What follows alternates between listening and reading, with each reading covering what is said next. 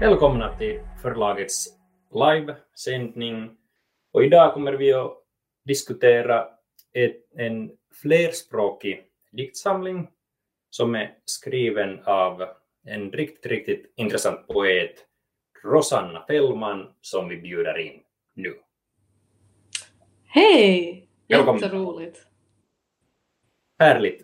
Ehm, vi kommer att diskutera både, både innehållet av din, din nya bok äh, Republikens president, tasavallan presidentti, och sen lite poetens arbete kring, kring den här boken. Men kan du först vänligen presentera dig fritt?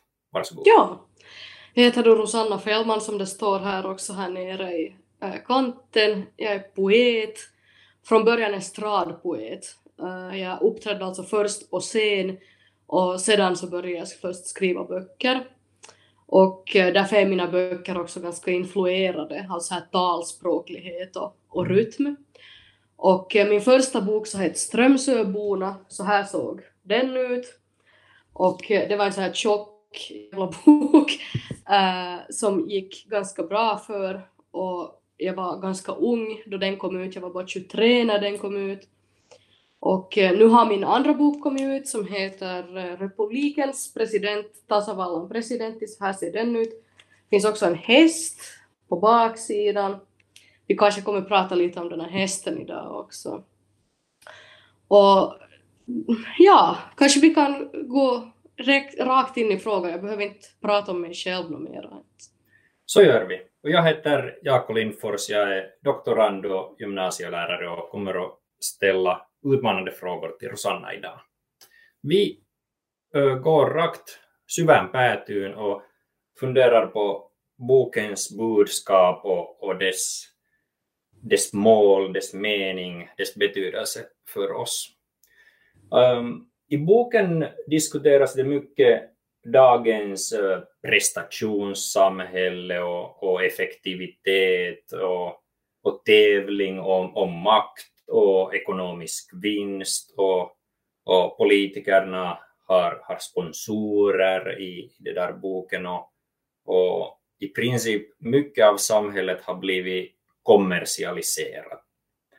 Och eh, om vi börjar med en sån här filosofisk fråga så, så det där boken berättar om ett, ett fiktivt samhälle, mm, men frågan lyder att, att uh, berättar det ändå också mycket om oss och Finlands samhälle. Och, och liksom, jag, jag skulle börja med en sån här fråga att på grund av att din bok verkar vara ganska samhällskritisk och, och, och så, så hur skulle du se på den här saken att är vi fångar av vår egen tid? Det vill säga, Mm. vågar vi ifrågasätta våra vanor? Ja, det är en jättebra fråga. Eh, Den här boken så kan tolkas både som en sorts framtidsvision för hur det skulle kunna bli om vi fortsätter på samma sätt. Eh, Men det kan också tolkas som att den här, det här samhället i den här boken så skulle ha redan kunnat bli om vi tidigare hade gjort på andra sätt redan då. För att det här samhället i den här boken så liknar det börjar nästan bli hur det är i USA just nu. Och eh, som huvudkaraktären heter ju då Rova presidentti och hon är då alltså Finlands president. I den här boken, finns inte på riktigt förstås.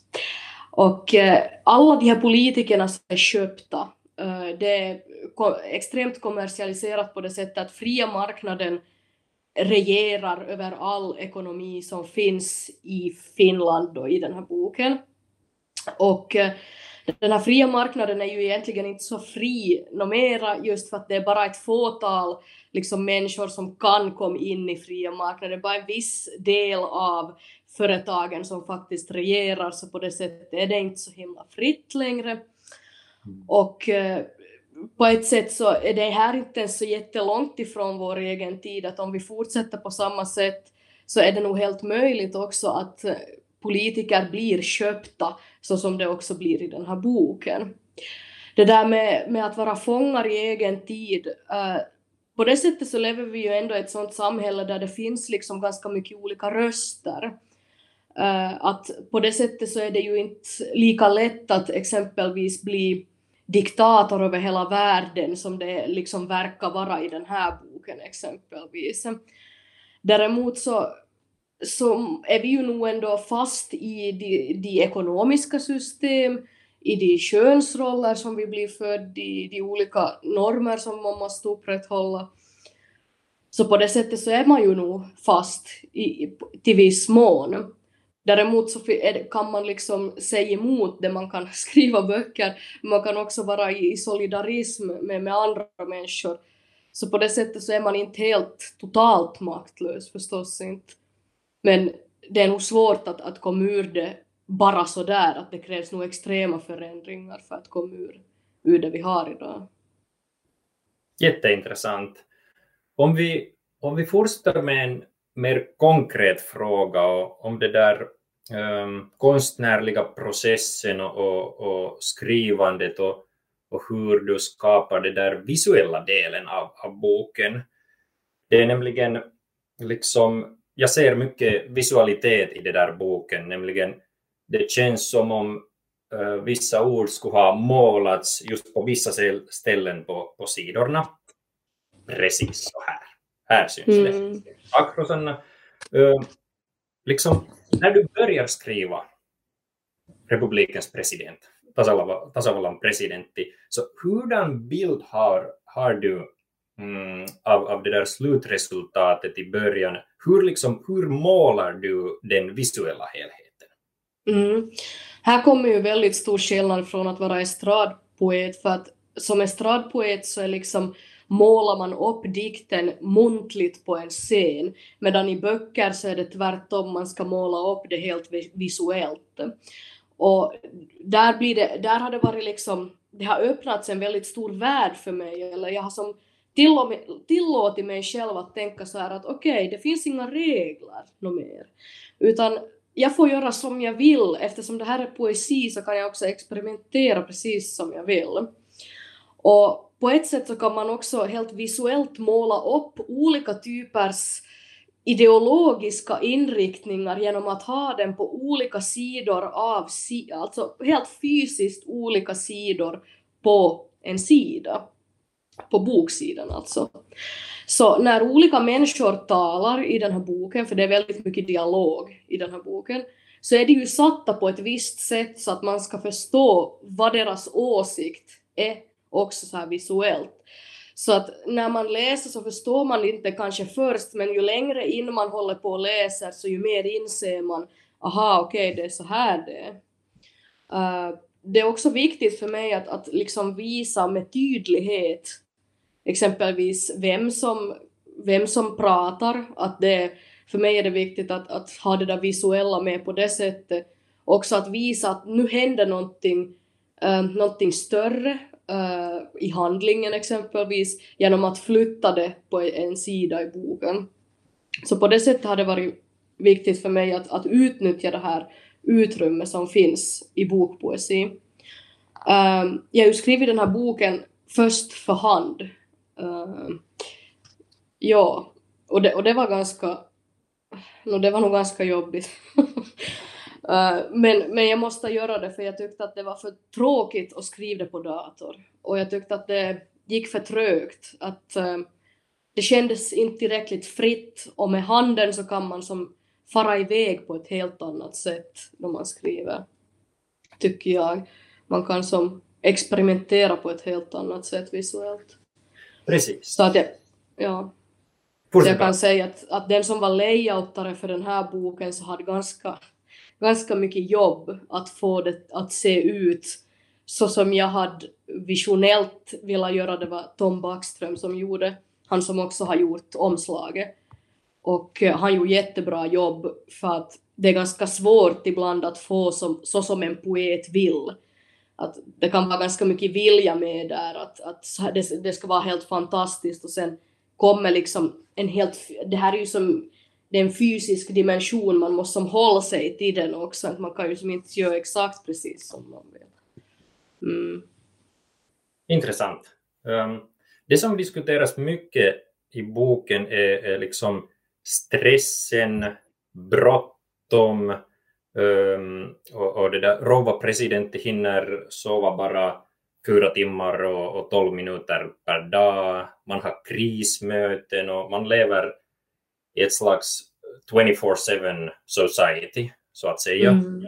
Så um, när det verkar att liksom politikerna inte sover så mycket, samhället är, är hela tiden vaken, så um, jag fick en bild av boken att, att mm, vi verkar vara bra på effektivitet och produktivitet, men frågan lyder att är det bokens budskap att vi kanske ändå glömmer bort att vad som egentligen är värdefullt i livet? Mm.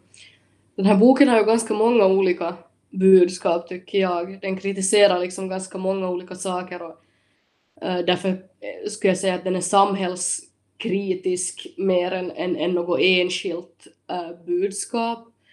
Men det här konsumtionssamhället och också den här takten vi lever våra liv är extremt hårda. Och det är ju också uppmaxat i den här boken eftersom det är satir. Men nu kan man ju säga idag också att politiker så lever extremt liksom schemalagda liv. Uh, speciellt när det kommer på hö högre uppsatta politiker som har det som yrke. Att, att det är ju inte ens överdrivet det där med att sitta på 15 möten på en dag. Det, det är faktiskt inte ens det.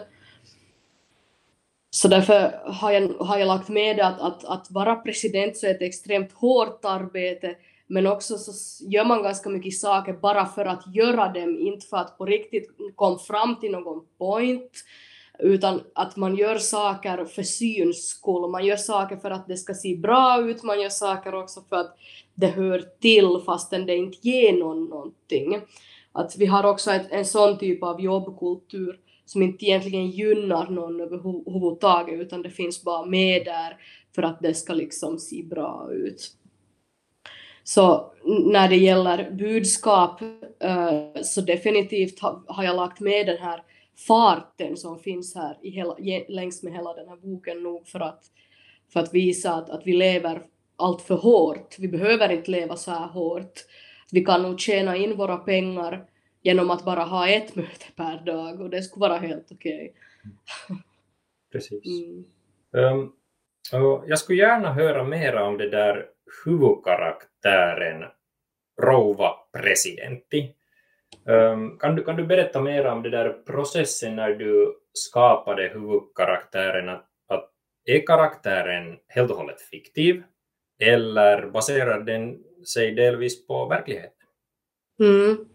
många vill ju liksom försöka få det till Nå, många frågar att ah, är det du? Och jag kan nog definitivt säga att det är inte jag. Eh, jag skulle inte vara en sån här president och jag, jag, skulle nog, jag kommer aldrig bli det heller, det kan jag med samma säga, jag kommer aldrig bli politiker. Uh, utan jag har som tagit olika delar, så här kan vi säga att, att nu har jag ju som blivit inspirerad av historien och olika historiska presidenter som finns. Uh, för att det är ju därifrån rollen som Finlands president också har skapats. Att inte var det ju som att vår första president uh, liksom Stålberg var så här, ah, okej, okay, det här är rollen som president, att han bara gick in i den, utan det var ju som att den har ju blivit tydligare längs med åren, också ju tydligare ju längs med vad Finland är för någonting och vad vi vill ha för typ av styre. Så nu finns det ju liksom vissa drag, exempelvis vissa presidenter har ju varit och docka mera än andra presidenter och det, det är någonting som jag har tagit med för att Rova president så tycker om att dricka ganska mycket. Så det är ett sånt här drag som jag nog har tagit och men sen så har hon ju helt egna drag som inte jag tror att så många politiker har. Att hon är ju exempelvis också asexuell, hon är inte tillsammans med någon. Att eh, det finns inte så jättemånga politiker som har pratat liksom öppet om det åtminstone i Finland. Det finns definitivt asexuella politiker men de har nog bara inte pratat om det på samma sätt som exempelvis min fiktiva robotpresident. Och idén med den här boken så kom, kom egentligen från att, att jag har alltid varit ganska fascinerad av självständighetsdagen, alltså den här självständighetsbalen har jag alltid varit ganska fascinerad över. För jag tycker att det är ett ganska hilarious koncept att en massa människor far och skaka hand med Finlands president och så sitter liksom två miljoner finländare och si på det. Jag tycker det är ett ganska roligt koncept egentligen. Eh, och det visar också på så här, vad är fint i Finland? Att, vad, vad, bety, vad är det finaste man kan uppnå i Finland? Det är att man skakar hand med Finlands president och alla andra i Finland ser på. Att det, det, det är nästan satir i sig självt att göra det här. Och härifrån kom den här idén då. Och också att, att rollen om vem som är Finlands president vill jag liksom utforska. Att vem får vara president? Får en kvinna som är asexuell, som inte är gift, som inte har en man, får hon stå ensam på självständighetsbalen? Och i den här boken så de vill ju inte att hon ska göra det egentligen. Att de vill folk är väldigt emot att hennes stab och andra politiker, också folk, eh, kritiserar att varför har hon ingen, ingen där bredvid sig. Mm. Att här kommer den här tvåsamhetsnormen in med, med den här Oba-presidenten. Precis. Mm. Uh, sen, sen några frågor om, om det där själva skrivarbetet. Jag kan tänka mig att um, för att den innebär så mycket information om Finlands offentliga institutioner så det krävde säkert en hel del utredning av, av mm. fakta. Så hur hittar du all information? Mm, no, jag har jättetur att jag har, jag har både en mamma och en kompis och mitt ex som är statsvetare. Uh, så jag har, jag har liksom folk i min näromgivning som har kunnat faktagranska uh, och också kunnat säga åt mig ja, vad som har varit liksom för osannolikt. Uh, för att eftersom det här är satir så har jag ju hittat på en massa grejer som inte finns i realiteten. Men nu utgår jag ju ifrån en institution som finns på riktigt att jag har ju då liksom helt enkelt läst på mig och sen har jag ju varit på presidentinstitutionens sidor och läst på mig hur ser det här arbetet ut? Vem jobbar presidenten med? Hur ser liksom Finlands presidents arbetsschema ut? Eh, sånt här har jag då tagit reda på just för att jag helt enkelt var intresserad men också för att jag ville att det skulle vara någorlunda trovärdigt att det är kanske inte så jättetrovärdigt att presidenten skulle jobba tre timmar per dag. För det gör det, alltså mm. presidenten jobbar säkert något 12 timmar per dag. Eller 24 tim timmar om dygnet är man ju egentligen president, så att inte slutar det där jobbet någon gång egentligen. Så jag har nog gjort ganska mycket research för det. Uh, mycket timmar som jag aldrig får tillbaka igen, som jag inte vet hur jag ska använda men på ett sätt så har det ju gått till en bra grej för jag har ju fått den här boken gjord och jag har inte fått klagomål om att det skulle vara mycket faktafel i den så det är jag glad över. Ja. Och en tvåspråkig eller egentligen en flerspråkig bok så skulle vara en utmaning för oss alla att skriva. Hur kom du på att det ska vara tvåspråkig eller egentligen mm. flerspråkig i det här fallet? Nå, den här huvudkaraktären är ju då finlandssvensk. Och eftersom jag själv är finlandssvensk så det som det skulle inte ha varit trovärdigt för mig att skriva som en finskspråkig för att jag behärskar inte språket tillräckligt bra så att folk skulle tro på det. Eller att folk skulle vara sådär, det skulle inte vara trovärdigt om jag skulle skriva totalt på finska i det här skedet av mitt liv, för jag är inte tillräckligt bra på finska helt enkelt. Men däremot så måste jag som se realiteten att, att inte jobbar ju Finlands president på svenska. Alltså inte skulle det ju gå ens. Att om vi skulle få en finlandssvensk president Nej, det går ju inte. inte. Inte i dagens Finland och inte heller i det Finland som jag har målat upp uh, i den här boken. Uh, så därför har jag ju finska med för att hon, pra hon pratar finska i sitt jobb, hon pratar finska med andra politiker och med media Uh, och sen förstås också engelska för att hon har ju mm. otroligt mycket representationsuppdrag och där kommer ganska mycket språkbarriärer emot. Att, att vem får prata med vem på vilket språk, att det blir helt också så här det, det blir lite missförståelser också mellan olika politiker på grund av de här språkfrågorna och mellan olika länder. Precis. Så, ja. så, för mig var det väldigt viktigt nog att ha det som en tvåspråkig bok just för att visa, no, visa kanske också på hur Finland ser ut så språkmässigt. Att hur, hur skulle det fungera? Det skulle inte alls fungera med en finlandssvensk president som skulle prata svenska hela tiden. Just det. Ja.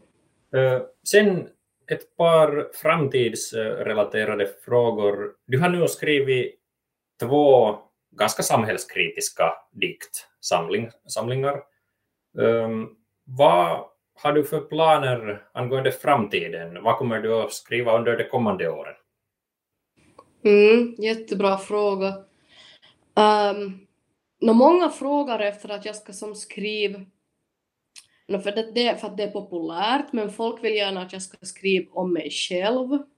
Um, för att det är jätte, jättepopulärt att författare gör det just nu. Jag har kanske inte sådär himla stort intresse av det, åtminstone inte just nu. För jag tycker att, att om man ska skriva självbiografiskt så ska man ha levt lite. Och jag är som 26 år. Så, eller sådär, jag tycker att det ska som ha hänt något i ens liv att man ska skriva något självbiografiskt. Så, att, så helst så skulle jag vilja vara äldre uh, och kanske ha liksom annat perspektiv på livet. Uh, så det blir kanske senare om jag, om jag gör det. Men just nu så skriver jag skriver, alltså samhälle är nog någonting som jag tror att inte kommer få bort ur mig. Alltså, okej, okay, jag lever ju i ett samhälle så att man måste ju ha det i sig på ett sätt. Men för mig så är det väldigt viktigt att, att få ut både kritik för, för de delar av samhället som är inte speciellt bra, men också för att få utveckla tankar och få tänka igenom saker på ett djupare plan för att idag så har inte vi tid. Vi pratade tidigare om att allting går väldigt snabbt och allting är väldigt eh, systematiserat och eh, vi hinner inte göra någonting. Och vi har som egentligen inte ens tid att tänka kritiskt. Och eh, det här vill jag jättegärna fortsätta med att sätta mig ner och faktiskt tänka på saker i, inom vårt samhälle som, som är problematiska. Så det kommer jag alltid fortsätta med. Uh, ja, svårt att säga vad det blir för böcker, men nu tror jag definitivt att, att det här ådran till att, att se igenom vårt samhälle och se genom olika typer genom olika typer synvinklar. För att jag, jag är ganska känd för att, att vara vänsterperson, men Rova Presidenti är ju exempelvis inte vänster, hon är ju som liberal. Uh, så på det sättet är det, är det ganska, för mig också, intressant att sätta mig in i andra typers synsätt och tänka igenom saker. Så det är nog inte bara för, för andra människor som jag skriver eller för att förändra något system, utan det är också för att för att helt själv också lära mig saker. Jätteintressant. Sp blir spännande. Vad skulle du säga till, till blivande poeter och, och författare, ungdomar, att hurdant är det att, att skriva ett sånt här mm. nytt konstverk som en ny diktsamling? No. Uh, det är ganska många som nog frågar mig att ah, hur blir man författare? Eller hur börjar man skriva? Det, det är ju att skriva. Att inte blir det ju till någonting om inte man faktiskt skriver. Uh, sen måste man också tänka på att vad är viktigt för mig själv? Att uh, för, mig är det, för mig är liksom samhällskritik och att förändra saker och förändra saker till det bättre, så det är väldigt viktigt för mig. Så att om man vill, om man faktiskt vill ha, ha ett, att ha ett författarskap eller att på riktigt vill skriva böcker så kan man kanske tänka på att okej, okay, vad är det jag vill skriva överhuvudtaget? Vad är poängen med det jag skriver? Uh, för att enligt mig så funkar inte det idag att skriva poänglöst eller skriva något sorters liksom hobbeli, hobbeli, bla bla, utan det måste finnas något som förmedlas ur det. Det behöver inte vara politiskt, det kan också vara känslomässigt som väcker någon typ av känsla. Men det, det viktigaste är ju nog faktiskt bara att skriva och se vad det blir till. Att uh, bara för att man skriver en dikt här och där så betyder det ju inte att man kan bli författare utan man måste ju som kämpa för det väldigt mycket och man måste faktiskt sätta sig ner och fundera igenom saker. Mm. Verkligen, ja. Just det. Uh, annars, hur, hur kunde Finland främja konstens, som till exempel poesins roll i samhället på ett ja, bättre sätt? Ja, herregud. Uh, no, det börjar ju från undervisning. Uh, I läroplanen så finns det allt för lite uh, om, om poesi uh, och man ska ta in poesi redan i dagis. Det här är min åsikt. Det är kanske inte sådär jätterealistiskt men jag, jag skulle vilja att det är så. Att man börjar väldigt tidigt också med exempelvis ordkonst eller att, att lära ut skrivande på ett mer bredare sätt än vad man gör nu i skolan. Så att det ska börjas på väldigt tidig nivå så att man får, får en bild av att poesi det är någonting som kan finnas i livet. För att nu så kommer det väldigt sent och det kommer i formen av typ Runeberg. Alltså hallå, det, det, det väcker inte så mycket tankar hos en tioåring att höra Fänrik Ståls sägner. För det var min första liksom, bild av dikter, det var Runeberg. Och om man redan i dagis får liksom höra så här barndikter, så då kanske man får en helt annan syn på det. Så på det sättet så tycker jag att poesin ska komma tidigt. Och sen när det gäller mer kanske så här um, hur man stöder poesi ekonomiskt, uh, så det, det borde exempelvis, nå, Taike borde ge mer uh, stöd för liksom liksom litterära projekt exempelvis. Och också hur man, för att det gör faktiskt politiker ibland att de citerar dikter, har jag märkt. Så på det sättet så är ju nog poesin uh, väldigt uppskattad i samhället och kan användas också som retoriskt, alltså att man kan använda det i, i, ja, i diskussioner helt enkelt. Mycket bra. Uh, finns det något värdefullt som du skulle vilja tillägga?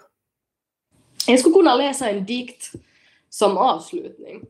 Bra. Uh, det är en dikt från slu, eller ganska från slutet av boken. Den här boken är över 200 sidor lång. Och här är en dikt på sid 154. Jag har möten, jag har val, jag har min position, men när jag kommer hem, när jag sitter i min tjänstebostad, när jag sitter hemma med sponsorerad inredning, sponsorerat val, undrar jag, undrar jag vem som kommer bli kvar. Vem som kommer minnas alla dessa val, vem som gynnas av att fria marknaden fått ha min position, jag har mina möten, jag har mina val. Jag försöker ringa vänner utanför arbete, men de vet inte längre vem jag är. Jag är landets mest kända person. Jag kan inte gå till butiken utan att en jävla gorillaliknande man som gorillar sig fram i armén så att han ska kunna vakta mig medan jag går i butiken där någon genast känner igen att ah, rouva tasavallan presidentti, kiitos työstäsi. Kiitos, kiitos. Jag ska köpa banan hem till min tomma sponsorerade tjänstebostad. Jag har mina möten, jag har mina val. Men när jag kommer hem vad finns då kvar? Tack. Mycket bra fråga. Tack Rosanna. Jag vill också läsa ett par meningar ännu som berättar mycket om boken. Arbetet är din identitet. Arbetet är din vilja. Tack ska du ha Rosanna. Eh, det var jätteintressant att få höra dina åsikter och dina svar på dessa utmanande frågor. Tack för mödan och Tack och hej!